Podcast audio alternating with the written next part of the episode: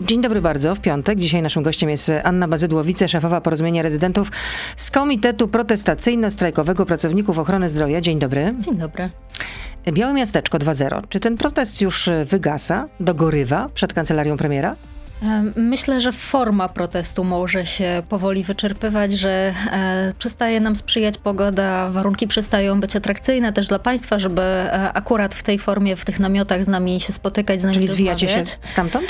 Um, powoli zaczynamy się organizować w kierunku innych działań, powoli zaczynamy przekształcać e, nasze formy nacisku, tak, bo, bo też warto zaznaczyć, że Białe Miasteczko było taką, no mimo wszystko mało uciążliwą, jeśli chodzi o niedobory pracowników formą. E, zachęcamy teraz personel... Symboliczny protest. Symboliczny. E, zachęcamy teraz personel do tego, żeby zadbali o swoje zdrowie, żeby stawia, stawiali siebie, swoich bliskich na pierwszym miejscu, żeby nie przekraczali tego limitowanego etatem czasu pracy. No, minister... strajk włoski, tak? To nie do końca jest strajk włoski. To w przypadku polskiego systemu będzie po prostu zapaść systemu. Ministerstwo Zdrowia otwarcie w trakcie rozmów powiedziało nam, że nie mogą sobie pozwolić na wprowadzenie norm zatrudnienia na przykład lekarzy, bo nie zapną się grafiki. I oni są tego świadomi, a mimo wszystko nie, nie przystają e, do rozmów, nie, nie traktują tych naszych postulatów czy próśb poważnie od wielu, wielu lat. E, no więc jeżeli faktycznie dojdzie do tego, że będzie jeden lekarz na jeden etat, jedna pielęgniarka na jeden etat, jeden ratownik, to prawdopodobnie około połowy placówek nie będzie mogło zapewnić ciągłości świadczeń. Czyli kiedy to e, Białe Miasteczko w takim razie już definitywnie zniknie sprzed kancelarii premiera? Damy Państwu znać na pewno. Ale to będzie e, jeszcze w tym miesiącu, przed e, świętami? Jeszcze nie w tym świętych, miesiącu. Czyli jeszcze nie w tym miesiącu, czyli jeszcze w listopadzie. Rozumiem, że tam będziecie rezydować, tak to nazwijmy. No, będziemy na A pewno... inne formy protestu to co? E, na pewno, tak jak mówię, częścią, e, częścią naszego protestu może być skłonienie pracowników do tego, żeby zaczęli się skupiać na swoim zdrowiu, żeby zaczęli dbać o siebie, o relacje w rodzinie. Zbliża się czas właśnie świąt. E, bardzo często personel medyczny nie bierze udziału w takich wydarzeniach, jest zobowiązany do pracy na dyżurach. Nie widują Czyli się... lekarze, pielęgniarki i w ogóle pracownicy ochrony zdrowia mają nie brać godzin nadliczbowych, rozumiem, tak? Że tak, pracować po prostu 40 godzin w tygodniu? 48, bo 48, taka jest norma tak? w medycynie. My zachęcamy do tego, żeby nie brać dodatkowych godzin w swoim podstawowym miejscu pracy, nie wiązać pracy w kilku podmiotach naraz. Wystarczy nam tak naprawdę prawdopodobnie dwa tygodnie. A czy dwa tygodnie na co? na to, żeby system przestał funkcjonować. Jeśli rzeczywiście wszyscy pójdą tym, e, tym tropem, tak, że będą pracować te 48 godzin w tygodniu i ani godziny e, dłużej. A czy odejście na przykład od dużych pacjentów bierzecie pod uwagę? Całkowitego odejścia od łóżek, tak że w ogóle e, medycy odejdą z pracy, raczej nie. To jest bardzo drastyczne, e, bardzo drastyczne działanie, ale mimo wszystko e, z Państwa perspektywy, z perspektywy pacjentów, osób szukających pomocy, samo ograniczenie czasu pracy w niektórych miejscach może tak wyglądać, ponieważ no, brak personelu, brak obstawy będzie się wiązał z brakiem, brakiem świadczeń i brakiem funkcjonowania pewnych podmiotów. E, aczkolwiek e, nie zamierzamy wyjść sensu stricte ze szpitali, jeśli o to pani pyta. A dlaczego nie możecie się dogadać? No bo y, pan minister powiedział ostatnio, y, minister Niedzielski, że y, nie wykorzystaliście swojej szansy, nie będzie już rozmów dwustronnych, koniec, kropka. Jeśli już, to będą rozmowy tylko w ramach komisji trójstronnej. E, w komisji trójstronnej nie ma reprezentacji pracowników e, ochrony zdrowia. E, do komisji, do zespołu trójstronnego mm, nie zostały zaproszone organizacje lekarskie, ponieważ są zbyt małe, zdaniem ministerstwa. E, my byliśmy tam e, zapraszani. Co negocjuje w takim razie w ramach Komisji Trójstronnej? E, w Komisji Trójstronnej jest kilka różnych związków. Są tam pracodawcy, jest Związek Solidarności, jest Forum Związków Zawodowych reprezentowanych właśnie między innymi przez przewodniczącą komitetu, panią Krystynę Ptok. My na zaproszenie poszczególnych grup reprezentowanych w zespole byliśmy zapraszani jako eksperci, ale my tam nie mamy prawa głosu i mimo licznych wypowiedzi, próśb i prezentowania panu ministrowi postulatów w obrębie zespołu trójstronnego, no, ten głos nie został wysłuchany. Zostały podpisane rozwiązania, które opiniowaliśmy jako no, czy krzywdzące, czy nieefektywne. E, no, przykład tego mamy chociażby w wynagrodzeniach pielęgniarek. E, nie zostało zauważone w zespole trójstronnym, e, że panie pielęgniarki posiadające wykształcenie średnie z bardzo długim stażem pracy w obecnej obowiązującej siatce płac są wynagradzane niżej niż pielęgniarki dopiero co wchodzące na rynek z wykształceniem wyższym po studiach licencjackich czy magisterskich. My uważamy, że jednak mimo wszystko to doświadczenie, e, ten staż pracy powinien... Jest nie do przecenienia. Jest nie do przecenienia, tak? To jest jednak mimo wszystko faktyczna duży praca. Kapitał, duży kapitał. Ale dlaczego wy się nie możecie dogadać? No bo na przykład pan wiceminister Bromber, który zresztą został powołany do ministerstwa, żeby z wami negocjować, żeby jak najszybciej zakończyć ten spór, no to mówi, że wasze, mm, wasze żądania są niepoważne po prostu. No bo jak można na przykład y, żądać, y, tak tutaj czytam, czy poważne jest stawianie żądań podniesienia minimalnego wynagrodzenia o 8 tysięcy złotych? Nie wiem, jeżeli e, popatrzymy na pensje polityków, którym nie przeszkadzała tego typu podwyżka w, przy przegłosowywaniu e, propozycji podwyżek. No nie 8 tysięcy, no ale rzeczywiście podwyższyli sobie pensję, tak? Znacząco sobie podwyższyli pensję, e, jednak mimo wszystko mam wrażenie, że odpowiedzialność, ciężar tej pracy, którą wykonujemy jest zupełnie inna. Jeśli chodzi o lekarzy specjalistów, bo tutaj faktycznie pojawiają się takie kwoty, warto zaznaczyć, że na rynku prywatnym w chwili obecnej specjalista jest wyceniany tak naprawdę, e, to co my zapostulowaliśmy jako wynagrodzenie, to jest e, w ogóle start do negocjacji dla większości specjalistów i my chcielibyśmy w ten sposób niejako zachęcić do zostania w publicznym systemie. E, jeżeli będziemy odwlekać tą zmianę w czasie, to z roku na rok coraz bardziej będzie nam się oddalać e, wysokość zarobku w systemie prywatnym od tego, co oferuje system publiczny i z roku na rok to będzie kosztować coraz więcej, a tak naprawdę bez specjalistów nasz system nie będzie funkcjonował. Nie dlatego, że pacjenci nie będą mieli świadczeń, ale również dlatego, że nie będziemy mogli kształcić młodych lekarzy, nie będziemy produkować więcej specjalistów i ten problem tylko będzie się zapętlać. A czy czujecie się jakoś lekceważeniem przez premiera, przez, przez ministra Niedzielskiego? Mamy wrażenie, że minister Niedzielski jest na nas obrażony tak po prostu personalnie. E, minister Niedzielski nie podejmuje rozmów. E, nie zdarzało się dotychczas, e, żeby ministerstwo aż tak aktywnie unikało nawet nie tyle rozmów, co, co też udziału w wielu wydarzeniach branżowych. W ostatnim czasie miało miejsce chociażby Forum Rynku Zdrowia czy, czy konferencja Telmediki. To był pierwszy raz, pierwszy rok w ogóle w historii tych wydarzeń, kiedy nikogo z ministerstwa tam nie było, więc te zachowania wydają się takie, no jednak mimo wszystko dość charakterystyczne. E, no i my chcielibyśmy e, dialogu, faktycznego wypracowania. Ale może wy też musicie spuścić stonu po prostu ale spuścić stonu znaczy zwinąć to pokojowe i bardzo nie, mało. Nie, oczekiwania. My możemy obniżyć oczekiwania finansowe, możemy je rozłożyć w czasie. My oczywiście rozumiemy, że włożenie takiej ilości pieniędzy w chwili obecnej do systemu jest po prostu bardzo trudne, szczególnie, że no, medycyna nie jest jedyną działką, którą kraj się musi zajmować. E, my chcieliśmy negocjować tak naprawdę tempo docierania do tych postulowanych wysokości wynagrodzeń, ale są rzeczy, z którymi ciężko nam będzie negocjować. Bezpieczeństwo e, pracownika, który mm, no, opiekuje się pacjentem, jest rzeczą, w której ciężko zrobić krok w tył, a, a mimo wszystko nie ma chęci po stronie ministerstwa, żeby e, rozpocząć takie ogólnorządowe, międzyresortowe konsultacje i mamy pewną świadomość, że nawet mimo dobrych chęci Ministerstwa Zdrowia do rozpoczęcia procesu legislacyjnego, bo też to było um, zaznaczone w tym porozumieniu, które zaproponował minister Bromber, to po prostu może nie dojść do skutku. Nam, e, nam częściowo chodzi też o to, żeby te zmiany na których nam tak bardzo zależy, zostały wdrożone, a nie, nie tylko zainicjowane, bo, bo jest naprawdę coraz ciężej pracować w publicznym systemie opieki zdrowotnej. Zmienia się profil pacjenta, zmieniają się realia. No, tak naprawdę mamy bardzo trudną kulturę oczekiwania od medyków e, czasami rzeczy niemożliwych, e, czasami po prostu naprawienia zaniedbań z wielu, wielu lat. Pacjenci wielokrotnie e, starsi byli najpierw przyzwyczajeni do tego, że lekarz, pielęgniarka zajmuje się nimi, odpowiada za to, czy oni są prawidłowo leczeni. W chwili obecnej medycyna przechodzi w ten bardziej partnerski model, w którym pacjent ma prawo odmówić absolutnie każdego świadczenia, ale to wtedy pacjent odpowiada za swoje zdrowie. No i mamy tutaj taki konflikt, no nie chcę powiedzieć pokoleń, ale mimo wszystko pewnych ideałów e, i wie pani, no, po szpitalach chodzą prawnicy, którzy zostawiają wizytówki. Uważasz, że spotkała cię tutaj krzywda? Zadzwoń, pomożemy ci pozwać personel, pomożemy ci pozwać placówkę. No dobrze, podsumowując część e, tą e, radiową, rozumiem, że e, protest, jeśli chodzi o Białe Miasteczko, można powiedzieć, że wygaśnie w przyszłym miesiącu, natomiast będziecie zachęcać i będziecie to robić, że po prostu będzie pracować tylko to te 48 godzin w tygodniu i ani godziny więcej. To tyle w części radiowej. Jesteśmy na Facebooku, na Radio ZPL. Oczywiście pani doktor z nami zostaje, Anna Bazydło. I proszę zostać z nami, Beata Lubecka, zapraszam. No i jako się rzekło, właśnie Anna Bazydło z Komitetu Protestacyjno-Strajkowego Pracowników Ochrony Zdrowia jest z nami. E, wysłaliście list też do prezesa Kaczyńskiego, tak? E, bo chcecie, żeby on nawiązał dialog. No i co, przyszła jakaś odpowiedź, czy pisaliście po prostu na berdyczów? Formalnie odpowiedź nie przyszła.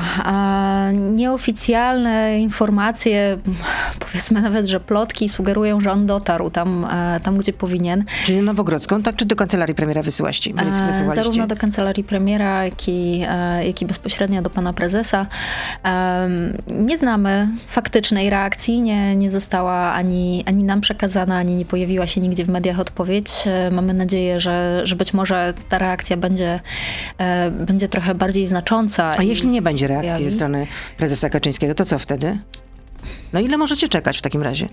No czekamy ponad 30 lat, więc tak naprawdę kolejny miesiąc czy tydzień nie, nie, nie robi tutaj znaczenia. Pytanie polega na tym, e, czy pacjenci mogą czekać. Narasta nam czwarta fala pandemii, jest coraz o, trudniejsza. Właśnie. Czy w związku z tym nie boicie się, że protestujecie, strajkujecie, no to w takim razie opinia publiczna może obrócić się zdecydowanie przeciwko wam. Powiem, no proszę bardzo, jest tutaj e, czwarta fala pandemii, nadciąga, jest coraz więcej osób chorych, e, ludzie umierają, a wy po prostu bawicie się w strajki. Mówię oczywiście oczywiście bawicie się takim, mhm. no może nie to miałam na myśli, że, że strajkujecie po prostu w sytuacji, kiedy y, potrzebna jest wasza pomoc. Nasza pomoc jest potrzebna tak naprawdę przez cały czas. E, w, w pandemia pokazała nam tylko i wyłącznie, jak e, trudno i niewydolnie jest zorganizowany nasz system, a w zasadzie niezorganizowany. My w pierwszej fali pandemii zostaliśmy wrzuceni w kompletny chaos, ale no byliśmy w stanie to zrozumieć, dlatego że chaos panował wszędzie. Nikt na świecie nie był przygotowany na tego typu rozwiązania. Możemy popatrzeć nawet na Stany e, Zjednoczone, które wydają prawie 20% PKB na ochronę zdrowia i no niewiele to zmieniło, po prostu ciężko się przygotować na taką sytuację. Ale to jest czwarta fala i my w dalszym ciągu czujemy się dokładnie tak samo. My mamy po dwóch latach déjà vu, że dalej nie ma procedur, dalej nie ma zapewnionych um, jakby odpowiedzi na trudne pytania do szpitali jednoimiennych, które... No, Czyli jest wolna amerykanka non-stop, tak? Kompletnie. Czyli rozumiem, że y, rząd się nie przygotował do nadejścia czwartej fali. Rząd obiecywał, że się przygotował i że tym razem jest przygotowany, ale no, chociażby szpitale jednoimienne, takie jak Szpital Południowy w Warszawie, w Warszawie dostają e, przekierowanych e, przez karetkę pacjentów, którzy wymagają specjalistycznego leczenia, czy to dializy, czy leczenia poza pozaustrojowego, czy mają rozsiany proces nowotworowy i zostają ci pacjenci odsyłani do szpitali jednoimiennych, w których tak naprawdę jest no, tlen kroplówki i trochę leków. Nie ma możliwości prowadzenia tak specjalistycznych procedur e, w szpitalu jednoimiennym, a nie ma też procedury, która pozwalałaby ich leczyć gdziekolwiek indziej. W związku z czym bardzo dużo osób wpada w taką lukę organizacyjną. Nie można im udzielić pomocy, bo nie ma czym, nie ma jak, albo nie ma gdzie. I to jest naprawdę przerażające, bo wydawać by się mogło, że. No to co zostało zaniedbane w takim razie? Mam wrażenie, że słuchanie personelu, że jednak mimo wszystko ci ludzie, którzy pracują w tym, to jest to, jest to ogniwo, które może pokazać tutaj nie wiem, co zrobić, tu jest błąd, pomóżcie mi, stwórzmy procedurę ale niech, nie ma potrzeby słuchania pracowników. Słuchamy e, pracodawców, e, bardzo często chwalących się tym, jak dobrze funkcjonuje szpital, no bo cóż mają powiedzieć, przecież zarządzają i to jest ich obowiązek. E, słuchamy konsultantów, którzy no, nie są w poszczególnych jednostkach. Rozumiem, że to są osoby z bardzo dużym dorobkiem naukowym, z przeogromną wiedzą i, i przede wszystkim no, doświadczeniem takim naukowym, ale nie słuchamy tych ludzi, którzy faktycznie są w te tryby wrzucani i mają tam funkcjonować, e, no, brakuje bardzo często podstawowych rzeczy. Zdarza się, że kończą się po prostu rękawiczki, kończy się odzież operacyjna. No, ale to, to chyba powinien zadbać szpital ale jeżeli nie ma skąd zamówić tych rękawiczek, bo na przykład nie ma ich w magazynach. To znowu są niedobory, jeśli chodzi o, o rękawiczki, o maseczki? To z reguły tak wygląda, że no, rząd sprowadza nam sprzęt, środki ochrony indywidualnej okej, okay, dostajemy ten sprzęt, widzimy, że na przykład nie posiada certyfikatów. Wierzymy, że po prostu jest to kwestia no, akurat że tak to ujmę, e, kryzysowa, że, że to zadziała, że, że to wszystko będzie funkcjonowało, ale jednak mimo wszystko e, tych takich certyfikowanych sprzętów brakuje. E, Znaczy chce pani powie powiedzieć, że do szpitali trafiają rękawiczki bez, znaczy maseczki bez certyfikatów na przykład? Mhm. Tak? Mhm. I to jest powszechna praktyka teraz? Mhm. Aha. Czyli po, po, po prawie dwóch latach y, cały czas mamy ten problem, tak? Że do, do szpitali docierają, docierają y, maseczki bez certyfikatu. No to rzeczywiście jest niezłe. niezłe. Rozumiem, że my mamy szczepienia, że mamy trochę inną sytuację. Personel e, mógł teraz skorzystać z trzeciej dawki. Niedługo Państwo będziecie mogli skorzystać z tej trzeciej dawki jak najbardziej. Jest trochę inna sytuacja niż w poprzednich, e, w poprzednich falach, ale mimo wszystko ten chaos towarzyszy nam tak naprawdę cały czas. Czyli nie jesteśmy przygotowani na czwartą falę, a ten pomysł, żeby karać mandatami ludźmi, ludzi, Polaków, którzy nie będą nosić maseczek. Tam, gdzie powinni zawsze jest to jakiś pomysł, ale wydaje mi się, że jakby może nie łatwiejszą, trudniejszą, faktycznie trudniejszą drogą, ale może bardziej skuteczną byłoby tłumaczenie, dlaczego należałoby to robić. Tą rzeczą, którą widzimy jako kolejne bardzo ale duże wiele razy tłumaczyliśmy e, to w, w, mediach. No, chociaż po, początkowo pamiętam, jak y, y, zaczynała się pandemia, no to przecież słyszeliśmy, że pan maseczki w niczym nam nie pomagają. Wtedy ówczesny minister zdrowia Łukasz Szumowski mówił, że po prostu maseczka no, Pamiętam, nic nie zmieni. No. Pamiętam i wielokrotnie później te słowa były przytaczane przez wielu pacjentów w różnych okolicznościach. No ale trudno się dziwić, skoro powiedział trudno to minister dziwić. zdrowia, w dodatku lekarz. Profesor. Właśnie. Ciężko się dziwić, no więc znowu kwestia jest taka, że... Yy nie jesteśmy e, stanowczy, nie jesteśmy tacy bardzo, e, bardzo sprecyzowani też w tym, co, co my planujemy w związku z, z działaniami e, mającymi na celu ograniczyć pandemię. Trochę się miotamy zarówno w komunikacji medialnej, jak i w tym, co, co wdrażamy jako rozwiązania. Otwieramy znaczy, szpitale. Znaczy, my się miotamy, to znaczy rząd się miota, czy wy się miotacie? I rząd, a my, a my w konsekwencji trochę. Um, Otworzyliśmy na przykład e, szpital e, na, e, na Stadionie Narodowym. Tymczasowy tak zwany. Tak. Tymczasowy tak. szpital na Stadionie Narodowym. Który przyjmował pacjentów Ogromne na, ilości na pieniędzy zostały włożone w to, żeby ten szpital uruchomić. I wyposażyć, tak? Wyposażyć, żeby zatrudnić personel. Mm. Lekarze mogli tam, czy personel był dobrze nagradzany tam? Tak, a w chwili obecnej nie możemy z niego skorzystać. Cała ta instalacja została zdemontowana. Um, czy to jest sensowne działanie, czy nie można było przewidzieć, że ta że sytuacja się nie ograniczy? Wydaje mi się, że można było mimo wszystko to przewidzieć, ale no, nie mamy tendencji po prostu do jakiegoś takiego logistycznego rozplanowywania swoich działań, w związku z czym no, gasimy pożary. No jeszcze jedna rzecz mnie zastanowiła, bo ostatnio, e, e, wczoraj bodajże była taka konferencja, na której wystąpiła pani Krystyna Ptok, szefowa Ogólnopolskiego Związku Zawodowego Pielęgniarek i Położnych i powiedziała, że słyszymy od pracowników technicznych słowa oszczędzajcie tlen. To tak jakbyśmy ograniczali choremu na cukrzycę insulinę. Mhm. I tak rzeczywiście się dzieje? Tak. E, pewnie Państwo słyszeliście, w szpitalu południowym w tym momencie jest e, dość trudna sytuacja w związku z instalacją tlenową, jest e, no, zagrożenie awarią. No, nie wiem na ile blisko jest Państwu chemia, ale tlen jest gazem łatwopalnym. Tak naprawdę istnieje zawsze zagrożenie wybuchem w sytuacji, kiedy jest przeciążenie instalacji tlenowej. No, niewykluczone, że spotka nas, mam nadzieję, że nie sytuacja z Poznania, z, z targów poznańskich, ale, ale niewykluczone, że będzie konieczne e, przetransportowanie tych pacjentów do innych placówek, bo, no bo jest problem. Instalacja jest przeciążona, nie jest, nie jest stworzona do takich obciążeń, jakie w tym momencie są, są na nią nakładane. Wracając do, do waszego protestu, rozmawiałyśmy o tym, że e, napisaliście list do Jarosława Kaczyńskiego, nie ma żadnej odpowiedzi, na razie się nie zanosić, żeby taka odpowiedź w ogóle e, padła. W związku z tym chcecie zaprosić do rozmów przedstawicieli opozycji parlamentarnej, tak? Rozważamy taką, taką możliwość, żeby zaangażować posłów opozycji, senatorów opozycji do e, prezentowania naszych postulatów w, w obrębie e, parlamentu. A nawiązywaliście już jakieś kontakty? Opozycja również próbowała z nami nawiązywać Mhm. często kontakty. Nie wiem, czy Państwo pamiętacie, w pierwszych tygodniach Białego Miasteczka funkcjonowało gorące krzesło. A, mm, miałam e, zwyczaj żartować, że rozgrzane do białości. E, faktycznie rozmawialiśmy tam z, poli- z politykami partii opozycyjnych, e, odpytywaliśmy e, z, z tego, co mogą zrobić dla, dla realizacji postulatów, dla wsparcia protestu, bo należy pamiętać o tym, że za, No i co zaniedbania mogą w zrobić ochronie dla, dla zdrowia... wsparcia waszego protestu i od kiedy? No bo to kiedy miałoby się zaistnieć? Y, pamiętajmy o tym, że jest możliwa inicjatywa ustawodawcza wychodząca z klubów poselskich od, od pojedynczych posłów. Są możliwe poprawki poselskie w obrębie istniejących przepisów.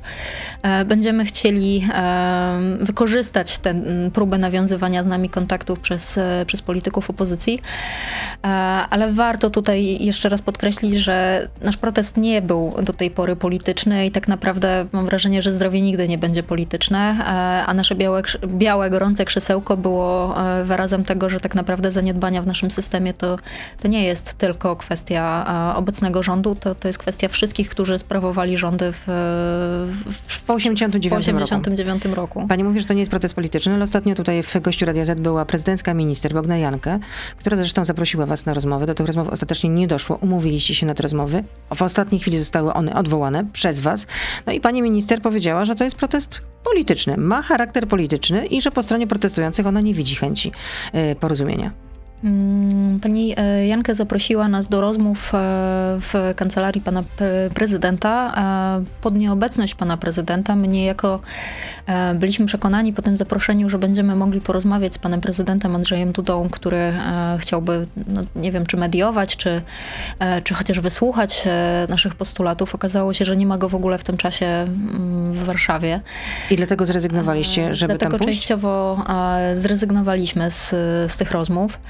Znaczy jak to częściowo? W ogóle tam się Znaczy, nie tak, pojawiliście. tak, nie pojawiliśmy się, ale to też e, jest po prostu jeden z, e, jeden z powodów, dla których zrezygnowaliśmy z tych, e, z tych rozmów. Bardzo często ze strony rządzących czy, czy osób pełniących funkcje w, w, w obecnych strukturach rządu pojawiają się informacje o tym, że jesteśmy protestem politycznym. Mm, Nie do końca to rozumiem, tak szczerze powiedziawszy, bo, bo z drugiej strony, z kim mielibyśmy chcieć rozmawiać? O reformie bardzo dużej części systemu e, finansowanego z publicznych środków, jeśli nie z rządem. E, No, dość oczywistym jest, że się nie zgadzamy, w związku z tym protestujemy. E, Nie, nie podoba nam się to, jak to jest realizowane w tym momencie, no bo gdybyśmy byli zadowoleni, to, to protestu by nie było, tak Ale naprawdę. jeśli, jeśli miałby dojść do kompromisu, no to kompromis polega na tym, że obydwie strony jednak ustępują ze, ze swoich pozycji, żeby się zbliżyć do tego E, rozwiązania. I my częściowo zbliżamy się, e, znaczy uważamy, że ustępujemy e, krok za krokiem. Tak naprawdę pierwotnie prosiliśmy o rozmowę z, z panem premierem, następnie Nie udało się? Nie udało się, pan premier nie wysłuchał naszego zaproszenia, nie, nie odpowiedział na nie. Po tragicznych wydarzeniach w Białym Miasteczku, po, po samobójstwie starszego pana, cofnęliśmy się o krok, powiedzieliśmy, że no, to nie może eskalować aż tak dużych emocji. Em, Równocześnie y, no, no nie ma ze strony ministerstwa chęci do zrobienia tego kroku w tył, mimo że, że nasz był tak naprawdę znaczący, bo, bo po prośbie rozmowy z premierem cofnęliśmy się do. e, Ale do na co nie chce się zgodzić w takim razie Ministerstwo Zdrowia? Co dla was nie do przyjęcia? Tak naprawdę na, na nic ostatecznie Ministerstwo Zdrowia nie, nie chce się zgodzić. Byliśmy przekonani, że część postulatów e, faktycznie jest wypracowana pomiędzy nami. Byliśmy przekonani, że e, kwestie bezpieczeństwa pacjenta i bezpieczeństwa personelu w obrębie systemu no-fault są tak naprawdę e, już, że tak dogadane. E, byliśmy przekonani, e, że kwestia ochrony należnej funkcjonariuszom publicznym dla wszystkich pracowników, którzy stykają się w trakcie pracy z pacjentem, a nie tylko e, dla medyków, bo w chwili obecnej taka ochrona przysługuje lekarzowi, pielęgniarce, ratownicy e, jakby z tytułu e, ustawy o ratownictwie medycznym, aczkolwiek oni nie mają swojej zawodowej ustawy, ale jest dużo innych osób, które mają styczność z pacjentem. Są panie rejestratorki, e, są fizjoterapeuci, e, jest dietetyk. Tak naprawdę każda osoba podchodząca do pacjenta, każda osoba istniejąca istniejąca w podmiocie, może stać się ofiarą agresji. A chcielibyśmy, żeby, e, żeby do tej agresji tak? jednak mimo wszystko zniechęcać jak najbardziej, bo, e, bo to eskaluje bardzo szybko. No, w ostatnich dwóch latach dochodzi nawet i do pobić czy, czy ataków z nożami. Wielokrotnie w mediach można się na to natknąć. Chcielibyśmy jednak, żeby, żeby państwo to zauważyło, żeby nam w tym pomogło. No i tutaj też nie ma, nie ma tak naprawdę porozumienia. E, urlopy dla poratowania zdrowia, które przysługują bardzo, bardzo wielu grupom zawodowym w Polsce, w tym nie tylko nauczycielom, których wszyscy kojarzymy, ale też kontrolerom Państwowej Inspekcji Pracy czy, e, czy NIK-u. No, ministerstwo nie przystało na naszą propozycję. My no bo jest was za mało. My chcieliśmy, żeby panie pielęgniarki z, z tymi bolącymi kręgosłupami, przepracowane, zmęczone po 15 latach pracy, czyli dwa razy dłużej niż nauczyciel, mogły skorzystać z rocznego urlopu dla poratowania zdrowia na takich warunkach jak nauczyciele.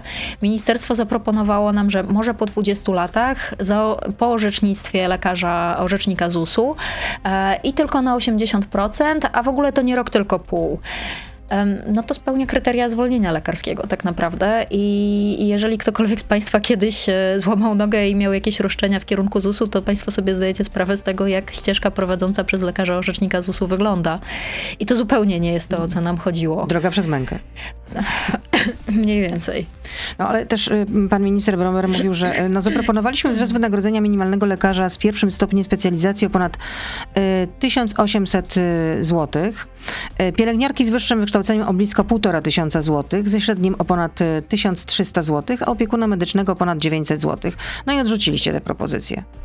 E, warto tutaj zaznaczyć, że w obecnej ustawie na temat wynagrodzeń e, też są zaplanowane e, rokroczne wzrosty współczynników, w związku z czym rokroczne wzrosty pensji. Policzyliśmy sobie, że to, co pan minister powiedział o lekarzach, te 1800 zł, formalnie, jakby biorąc pod uwagę już istniejące przepisy, byłoby tak naprawdę podwyżką 700 zł. W związku z czym mamy tutaj. Ale na rękę czy do brutto? brutto. brutto. Mm, w związku z czym mamy tutaj. No, no, pewną narrację manipulacji danymi. Nie mówimy o tym, że e, lekarze i tak w związku z planowaną siatką dostaliby podwyżkę, a my chcieliśmy to podwyższyć o tyle, tylko sumujemy wszystko, co i tak się stanie e, z tym, co chcielibyśmy jednak mimo wszystko dać. Warto zaznaczyć, że w tym porozumieniu, które pan minister Bromber nam zaproponował, e, była na przykład zaplanowana obniżka wysokości rezydentur. Więc jest to jednak mimo wszystko, nie wiem, czy to było niedopatrzenie, czy to było zrobione celowo, ale była planowana w pierwszym roku podwyżka, a w kolejnym obniżka pensji. To rzeczywiście ciekawy zabieg. Y, są pytania od słuchaczy do pani. Władysław pyta, dlaczego zamiast leczyć chorych nieustannie strajkujecie, żądając przy tym, tak to jest napisane, niezasadnie wysokich podwyżek płac? E, duża część z nas e, cały czas leczy chorych. E, panie Władysławie, my proponujemy no być może niezasadnie wysoką podwyżkę płac, ale e, podwyżkę dyktowaną tym, jak w chwili obecnej wyglądają warunki rynku. Zależy nam na tym, żeby pan albo pana bliscy e, w sytuacji e, potrzeby skorzystania z porady specjalisty, mogli go znaleźć w krótkim terminie w systemie publicznej ochrony zdrowia, który jest finansowany z pana, z pana i moich podatków. Naszych.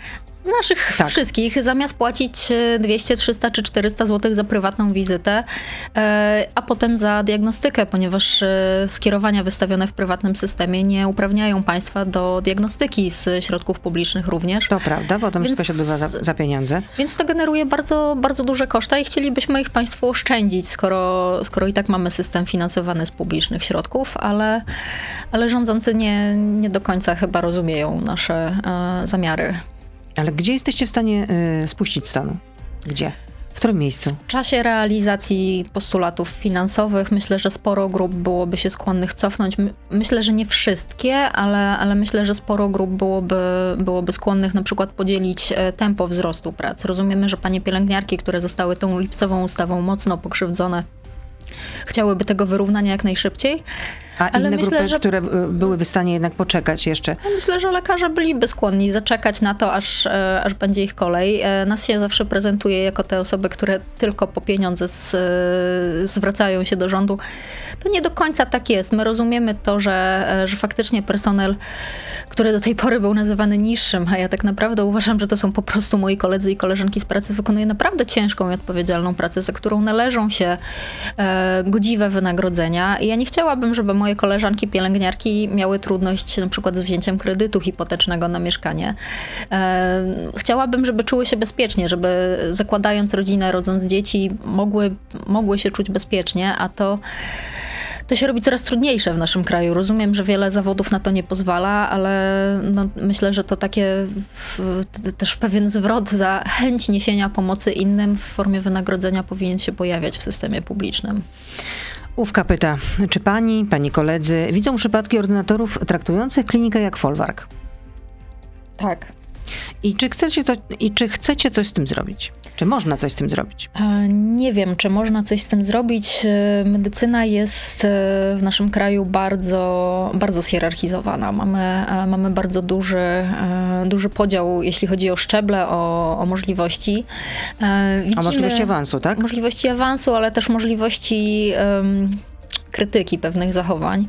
E, widzimy te problemy, które, z którymi Państwo też się stykacie. My wielokrotnie jako, e, no ja tu reprezentuję rezydentów, więc my wielokrotnie też jesteśmy e, niejako ofiarami pewnego schematu myślowego, pewnego systemu, który się utrwalił. E, chcielibyśmy, żeby to wyglądało inaczej. Chcielibyśmy właśnie na przykład odejść od e, tego, żeby nie traktować pielęgniarek, ratowników czy fizjoterapeutów jako tak zwany personel pomocniczy czy niższy, tylko po prostu członków zespołu terapeutycznego. My liczymy na tą nowoczesną medycynę, w której każdy ma swoją rolę, a pacjent jest tak naprawdę centrum naszych działań.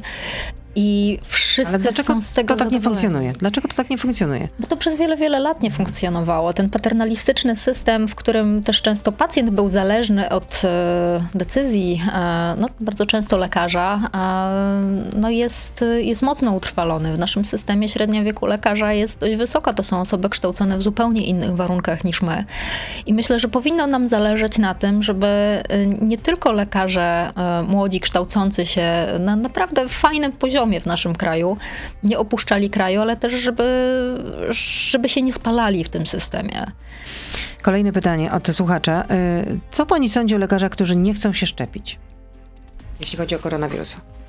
Myślę, że każdy ma e, prawo e, zadecydować na temat e, procedur medycznych, które będą w obrębie jego ciała przeprowadzane. Myślę, że tak jak pacjent ma prawo odmówić leczenia, nawet jeśli ma ratować jego życie, tak samo lekarz w tej sytuacji jest czyimś pacjentem. Nie pochwalam tego. Nie, uważam, że szczepienia są jedną z najlepszych rzeczy, którą udało nam się w medycynie wymyślić, a już szczególnie przeciwko chorobom wirusowym. Nie mamy tak naprawdę innych możliwości możliwości leczenia. Nie, no, może Państwo sobie nie zdajecie sprawy, ale na choroby wirusowe nawet te takie popularne dziecięce nie ma leków. To leczy się objawowo, zbijając gorączkę, nawadniając i karmiąc kogoś klejkiem ryżowym. I, I, trzeba po prostu przeczekać. Niestety one mają odległe konsekwencje, często, często bardzo trudne. No, tak jakby chociażby świnka, która powoduje cukrzycę czy bezpłodność. E, nie wiemy, jakie będą odległe skutki e, COVID-19. Widzimy, że ma dużo powiązań do układu nerwowego. Widzimy problemy z funkcjonowaniem układu nerwowego. No ci lekarze, mam wrażenie, że jeszcze lepiej niż Państwo zdają sobie sprawę z ryzyka, które może z tego wynikać. No i podejmując taką decyzję, no po prostu biorą to ryzyko na siebie. No, czy pochwalam? Nie pochwalam, ale, ale, wol, ale, wolno im. Tak, zaszczepiłam się nawet trzecią dawką, jak tylko zostały otwarte zapisy. E, Pikuś pyta, ile godzin w tygodniu pani pracuje, ile, ile leczy? Czy pani w ogóle leczy, czy może tylko protestuje? E, pracuję na cały etat e, w szpitalu w Mazowiecku. W Pruszkowie? W Pruszkowie, tak. Pracuję tak zwanych warszawskich tworkach. tak, podwarszawskich tworkach. Dokładnie. I pracuję te 48 mhm. godzin jako rezydent psychiatrii. Poza tym realizuję godziny, w trakcie których uczę młodszych kolegów, prowadzę zajęcia ze studentami. W związku z czym pracuję ponad ten jeden etat, choć chociaż nie, nie sensu stricte jako lekarz. A w najbardziej obciążających momentach swojej kariery pracowałam 350 godzin miesięcznie. Powiem Państwu, że nie jest to lekkie. To właśnie była pierwsza fala pandemii. No nie jest to na pewno lekkie. To w ogóle nawet sobie trudno wyobrazić. A ile czasu pani spędza w Białym Miasteczku? W Białym Miasteczku staram się spędzać po kilka godzin tygodniowo. W ostatnim czasie mam niestety problem z przewlekającą się infekcją i, i staram się przede wszystkim zostać w domu i, i wyleczyć z tego. E, ale odwiedzam protestujących tam e, zawsze, jak tylko mam chwilę wolnego czasu. E, za każdym razem widzę i personel, i pacjentów korzystających z tych badań profilaktycznych, pytających o to, jak długo jeszcze. Jestem pod wrażeniem tego, jak dużo Państwo zostawiacie wsparcia. Tam leżą wypełnione zeszyty pełne wpisów. Mieliśmy też tą rakietę, na której można było przykleić problem ochrony zdrowia, który chcielibyśmy wysłać w kosmos.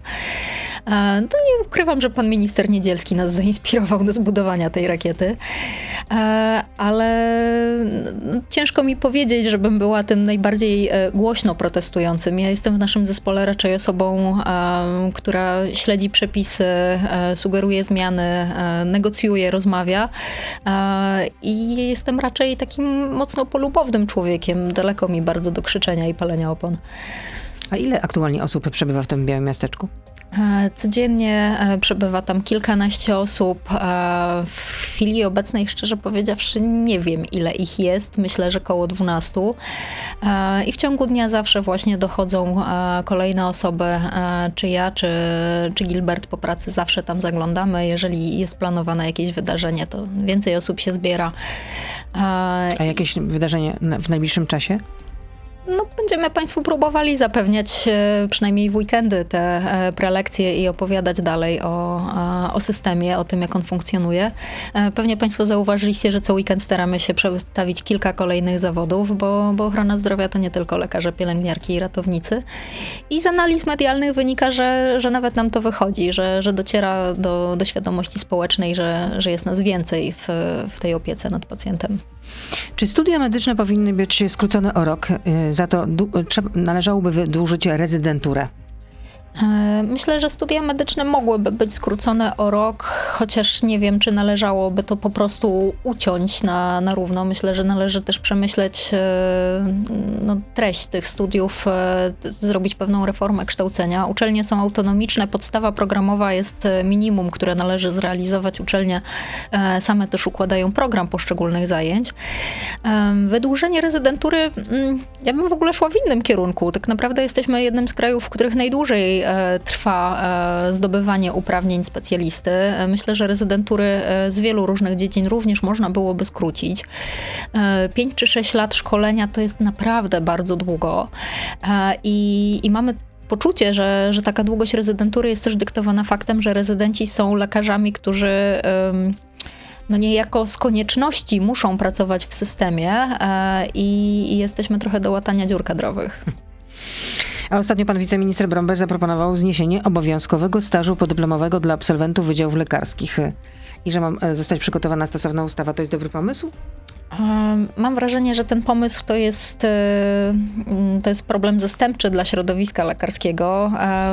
Głosy są podzielone. Ja tak naprawdę, jako osoba, która bardzo skorzystała ze stażu, mimo że spotkała mnie w trakcie tego stażu pandemia, uważam, że to jest trochę inny czas niż studia mimo wszystko, że ciężko będzie w warunkach uczelni zrealizować dokładnie te okoliczności, które towarzyszą osobie, która trochę przechodzi między tym zupełnym brakiem odpowiedzialności e, związanym ze studiowaniem, w całkowitą odpowiedzialność za swoją decyzję w momencie, kiedy jest się już rezydentem czy, czy lekarzem bez specjalizacji. E, staż jest takim mm, inkubatorem, w którym można dojrzeć ze swoją hmm. wiedzą medyczną, można przejść przez wiele, wiele różnych e, oddziałów, można przejść przez wiele różnych okoliczności i zweryfikować, czy to, co się widziało w klinikach w trakcie studiów, to, to faktycznie jest, jest medycyna. Mhm. E, bo e, pamiętajmy, że studia e, są organizowane przy dużych ośrodkach klinicznych o wysokiej referencyjności. Tam są kierowane najtrudniejsze przypadki, najrzadsze przypadki. No taka prawdziwa, codzienna medycyna trochę nie przystaje do tego, co, co się widzi na studiach. W związku z czym staż jest no, wyjątkowym momentem. Czy on jest konieczny? Myślę, że nie wszystkim jest konieczny. Myślę, że jest dużo osób, które w trakcie pracy na studiach e, podejmują, czy to w kołach naukowych, dyżury i doskonale wiedzą, jaką chcą obrać ścieżkę i gdzie chcą to realizować, ale myślę, że bardzo, bardzo wielu absolwentów e, uczelni medycznych potrzebuje tego e, stażu. Czy on powinien pozostać w tej formie, w której był? Chyba można byłoby to trochę zreformować. Chyba można byłoby dać więcej wolności a propos długości poszczególnych staży. No są ludzie, którzy wiedzą, że na pewno nie będą chcieli być chirurgami, ortopedami. Um, można byłoby trochę uplastycznić ten staż, bo on teraz był taki bardzo, bardzo sztywny, jeśli chodzi o ramy czasowe. Uh, ale myślę, że to jest bardzo, um, bardzo istotny czas w życiu młodego lekarza. Dziękuję za to spotkanie. Anna Bazydło, wiceszefowa porozumienia rezydentów i też e, pani z rzeczniczką, rozumiem, Komitetu Protestacyjno-Strajkowego Pracowników Ochrony Zdrowia. Dziękuję. Zdrowia życzę nieustająco. Dziękuję. Na zdrowie. No i do usłyszenia, do zobaczenia. Kłaniam się. To był gość Radia Z. Słuchaj codziennie w Radio Z i na player radioz.pl.